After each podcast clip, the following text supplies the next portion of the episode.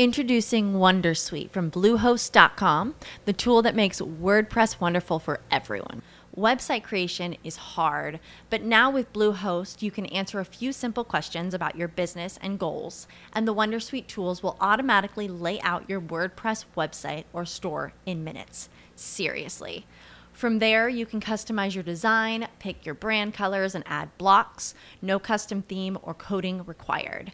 You'll get content suggestions that you can keep or revise, and with Yoast SEO built in, we automatically help you get found in search engines. From step by step guidance to suggested plugins to an AI powered help bot. Our built in tools make WordPress wonderful for everyone. Maybe that's why Bluehost has been recommended by WordPress.org since 2005. Whether you're a beginner or a pro, you can join over 2 million Bluehost users. Go to bluehost.com slash Wondersuite. That's bluehost.com slash Wondersuite. Kiedy pytam znajomych przedsiębiorców, z kim kojarzy im się wirtualna asystentka, Odpowiedzi są przeróżne. Na przykład Siri albo z Alexą, z asystentem Google'a. Tak, takie odpowiedzi też często padają. Sporo osób odpowiada, że nie ma pojęcia. Są jednak też tacy, którym wirtualna asysta całkiem słusznie kojarzy się ze wsparciem dla biznesu. Wsparcie nie oznacza jednak tego, że wirtualne asystentki czy asystenci potrafią zrobić absolutnie wszystko. Wirtualna asystentka to nie jest Thermomix. Dlaczego sami wirtualni asystenci i asystentki strzelają sobie w kolano, mówiąc, że zajmują się niektórymi rzeczami? O tym będzie ten odcinek podcastu. Zapraszam serdecznie.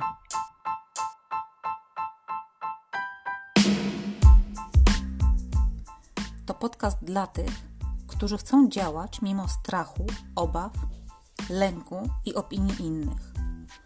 Podcast dla wirtualnych asystentek, freelancerów i każdej osoby, która chce wziąć życie w swoje ręce, chce zacząć działać, chce prowadzić firmę i zarabiać godne pieniądze. To podcast dla tych, którzy mają dość etatu i pracy dla kogoś. Dla mam, które nie chcą wracać do korpo i chciałyby pracować z domu. Dla tych, których kręci bycie przedsiębiorcą. Jak prowadzić firmę, być najlepszym w branży i nie zwariować? Zapraszam serdecznie. Karolina Brzuchalska, Pretty Well Done. Witam Cię w kolejnym odcinku podcastu Pretty Well Done, co we freelancie piszczy. Dzisiaj będzie trochę o tym, co robią, a czego nie robią wirtualne asystentki i dlaczego czasami strzelają sobie w kolano. Zapraszam serdecznie. Coraz częściej i z takim niejakim smutkiem obserwuję, że zawód wirtualnej asystentki przedstawiany jest jako remedium na całe zło a same asystentki jako osoby, które zaradzą każdemu problemowi w firmie przedsiębiorcy, w Twojej firmie. Nie masz czasu na prowadzenie mediów społecznościowych? Zatrudnij wirtualną asystentkę. Nie wiesz, jak pokierować swoją firmą? Napisz do wirtualnej asystentki. Potrzebujesz strategii dla swojego biznesu? Tak, tak, dobrze słyszysz, strategii. Wirtualna asystentka pomoże. Wirtualna asystentka nie jest robotem wszystko funkcyjnym. Nie ma osoby, która by była świetna w każdej dziedzinie. No po prostu nie.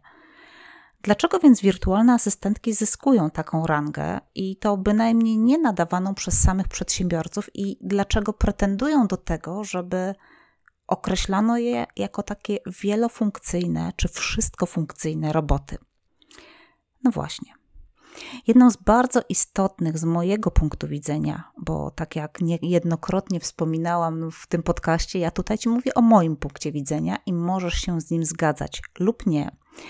Natomiast no, jest to mój podcast i ja Ci przedstawiam po prostu mój punkt widzenia.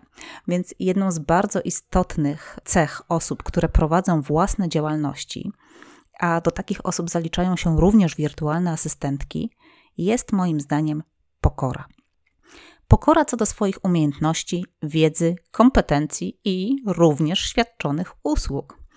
No i bardzo mi przykro, ale po kilku latach pracy w tym zawodzie ja po prostu nie wierzę, że są osoby, które potrafią absolutnie wszystko. Owszem, mogą się znać na wielu kwestiach i ja również to podkreślam. Rzeczywiście tak jest, ale na pewno nie potrafią wszystkiego. I kiedy widzę, że osoby, które do tej pory wspierały biznes jako wirtualne asystentki, czyli na przykład robiły transkrypcje, prowadziły media społecznościowe, montowały podcasty, nagle stawiają siebie w pozycji na przykład stratega biznesu, to ja się zaczynam zastanawiać, co tutaj poszło nie tak. I z tego, co obserwuję w sieci, nie tylko ja mam te myśli, niestety. I owszem, doskonale zdaję sobie sprawę z tego, że mogę w tym momencie zostać zakrzyczana przez wirtualne asystentki. Od lat bowiem promuję ten zawód jako usługi osób, które są takimi multi-ogarniaczkami bądź multi-ogarniaczami, no bo panowie też się zajmują wirtualną asystą. Ale to się przecież nie zmieniło. Ja cały czas mówię o tym, że wirtualne asystentki mają najczęściej bardzo szerokie umiejętności, bardzo szerokie kompetencje, wiele rzeczy potrafią, potrafią ogarnąć naprawdę mnóstwo kwestii, ale do diabła no nie są do wszystkiego. No po prostu nie, tak się nie da. I trochę mnie boli, kiedy widzę, że wchodzą w kompetencje specjalistów. Mnie boli, a co dopiero tych specjalistów. I to specjalistów, którzy latami uczyli się swoich zawodów. Ukończenie jednego czy dwóch kursów niestety nie sprawi, że magicznym sposobem staniemy się nagle strategiem, PR-owcem, marketingowcem czy takim naprawdę specjalistą z krwi i kości. Żeby siebie nazwać specjalistą od marketingu czy PR-u, ja musiałam skończyć studia, szereg kursów, warsztatów doszkalających, a i tak uważam, że nie mam takiej wiedzy jak ktoś, kto siedzi w danej branży non-stop i pogłębia ją. Plus to, że bez praktyki uważam, że te wszystkie studia to, no może nie są niewiele warte, ale na pewno są mniej warte niż praca osoby, która działa, po prostu aktywnie działa w danej branży. No i dlatego bywają bardzo często sytuacje, w których wolą moich klientów, czy potencjalnych klientów, którzy przychodzą do mnie jako osoby wspierającej biznes, nawet nie wirtualnej asystentki, ale takiego partnera biznesowego, który będzie zwyczajnie wspierał ich w ich działaniach, kiedy ja mówię nie, bo to nie są moje kompetencje, powinieneś pójść do stratega. Powinieneś uderzyć do osoby, która siedzi bardzo głęboko w PR-ze, wie jak się komunikować z mediami, na co dzień z tymi mediami się komunikuje. Co z tego, że ja skończyłam studia, jeżeli ostatni raz pisałam do gazety czy dzwoniłam do jakiegoś redaktora no dobrych parę miesięcy temu. I tak, rzeczywiście nie mam problemu z tym, żeby powiedzieć klientowi, że znajdą się lepsi w tej dziedzinie, której on aktualnie potrzebuje. Jeśli jednak uznasz, ty jako wirtualna asystentka bądź asystent, jako osoba, która wspiera przedsiębiorców, że masz taką wiedzę, żeby oferować usługi specjalistyczne i że chcesz pracować na przykład jako strateg, jako osoba, która tworzy content marketing klientów, chcesz uczyć komunikacji w mediach społecznościowych, tworzyć te strategie marketingowe, te strategie kontentowe, nie nazywaj siebie wirtualną asystentką, bo nie ma nic złego w zmianie zdania, w przebranżowieniu się. Ale dlaczego nie nazywamy rzeczy po imieniu? Ty nie zajmujesz się już wtedy wirtualną asystą. Dlaczego o tym mówię? Ponieważ mówiąc, że wirtualna asystentka zajmuje się strategią biznesową, mijasz się z prawdą. To nie są kompetencje asystentek, a do tego podważasz jakość zawodu i jego wiarygodność. Coraz częściej czytam na grupach wpisy przedsiębiorców. Tak, zwłaszcza w ostatnim czasie czytałam ich bardzo dużo, którzy czują się w pewnym stopniu oszukani. Oni co prawda nie mówią o tym, że czują się oszukani, ale to jakby z tonu ich wypowiedzi można wyczytać między wierszami. Ponieważ na przykład wirtualna asystentka przedstawia siebie jako osobę, która stawia strony internetowe, a postawioną przez nią stronę trzeba oddać w ręce specjalisty. Wielokrotnie rozmawiałam z osobami, które rzeczywiście tworzą strony internetowe i tylko tym się zajmują. I no z tego, co słyszałam, bardzo często trafiają do nich osoby, które proszą o poprawienie tego, co zepsuł ktoś inny. No i podobnie jest też z innymi usługami. A takie działania sprawiają, że przedsiębiorcy po pierwsze tracą zaufanie do wirtualnych asystentek, a po drugie wcale nie chcą już z nimi współpracować, gdyż boją się, że do pewnych zadań, do pewnych usług będą musieli zatrudnić dodatkową osobę, która poprawi to, co zostało zepsute. Wirtualne asystentki są ogromnym wsparciem dla przedsiębiorców. Działają w przeróżnych specjalizacjach. Naprawdę, to się nie zmienia. ale nie są do wszystkiego. To nie są roboty wielofunkcyjne, które wystarczy przeprogramować i dzisiaj zaprojektują stronę, jutro zmontują film tak, że nada się on na ekrany kin, a w piątek machną od ręki strategię dla firmy na najbliższe powiedzmy sobie dwa lata. A do tego napiszą treści do mediów społecznościowych i jeszcze zrobią grafiki. To tak nie działa. Bądź wsparciem, bądź specjalistką w swojej dziedzinie. Możesz być wirtualną asystentką ze specjalizacją copywriting. Możesz być wirtualną asystentką ze specjalizacją grafika, transkrypcje, podcasty, tych specjalizacji może być naprawdę bardzo, bardzo wiele. Ale nie wchodź w kompetencje osób, które na swoją wiedzę pracują od dekady lub dłużej. A jeśli jednak stwierdzisz, że Twoja wiedza jest na tyle pogłębiona, że spokojnie możesz to robić, bo dlaczego nie? Może się tak zdarzyć. I bardzo często się zdarza, że jeżeli specjalizujemy się w jakiejś branży, no to zaczynamy zgłębiać tę wiedzę, no tyle tylko, że zastanów się wtedy, czy aby na pewno nadal jesteś wirtualną asystentką.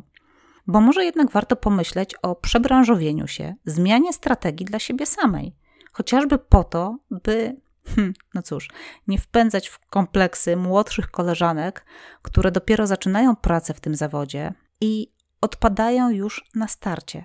I odpadają nie dlatego, że czegoś nie potrafią, tylko że same siebie blokują, ponieważ myślą, że rzeczywiście muszą być tymi strategami, muszą się znać na marketingu, na PR-ze i muszą umieć to wszystko, co znajdują na stronach starszych koleżanek. Także, hmm, no cóż, zostawię cię z tą myślą, zastanów się, czy rzeczywiście to, co teraz robisz, to jest wirtualna asysta. Jeśli tak, super. Jeśli nie, może ten mój podcast pomoże ci w zmianie kierunku zawodowego i rzeczywiście podejmiesz decyzję, że ty już nie chcesz pracować jako wirtualna asystentka, tylko chciałabyś zrobić ze swoim życiem coś innego. Dziękuję Ci bardzo serdecznie i do usłyszenia za tydzień.